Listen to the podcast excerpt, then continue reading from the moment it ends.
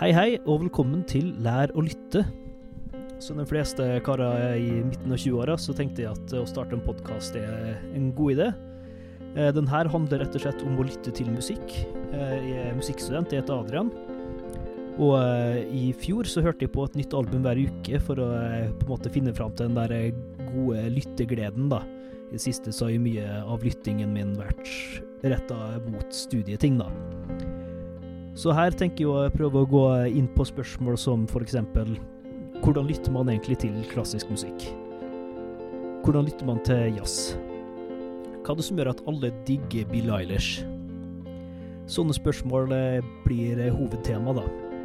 Første episode er spilt inn og dropper snart. Eh, Der kan du da få interessante øyeblikk, som eksempel kanskje det beste albumet fra 2020. Åh, jeg tror det er kanskje mitt favorittalbum fra 2020.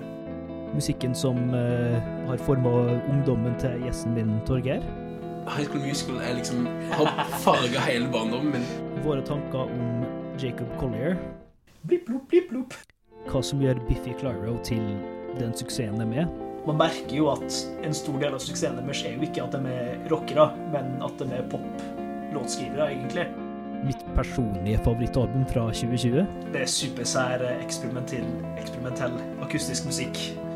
Vårt eh, faste segment. Dagens akkord. Eh.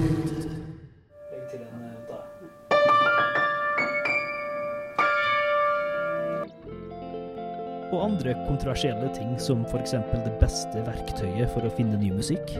Og SpongeBob SquarePants.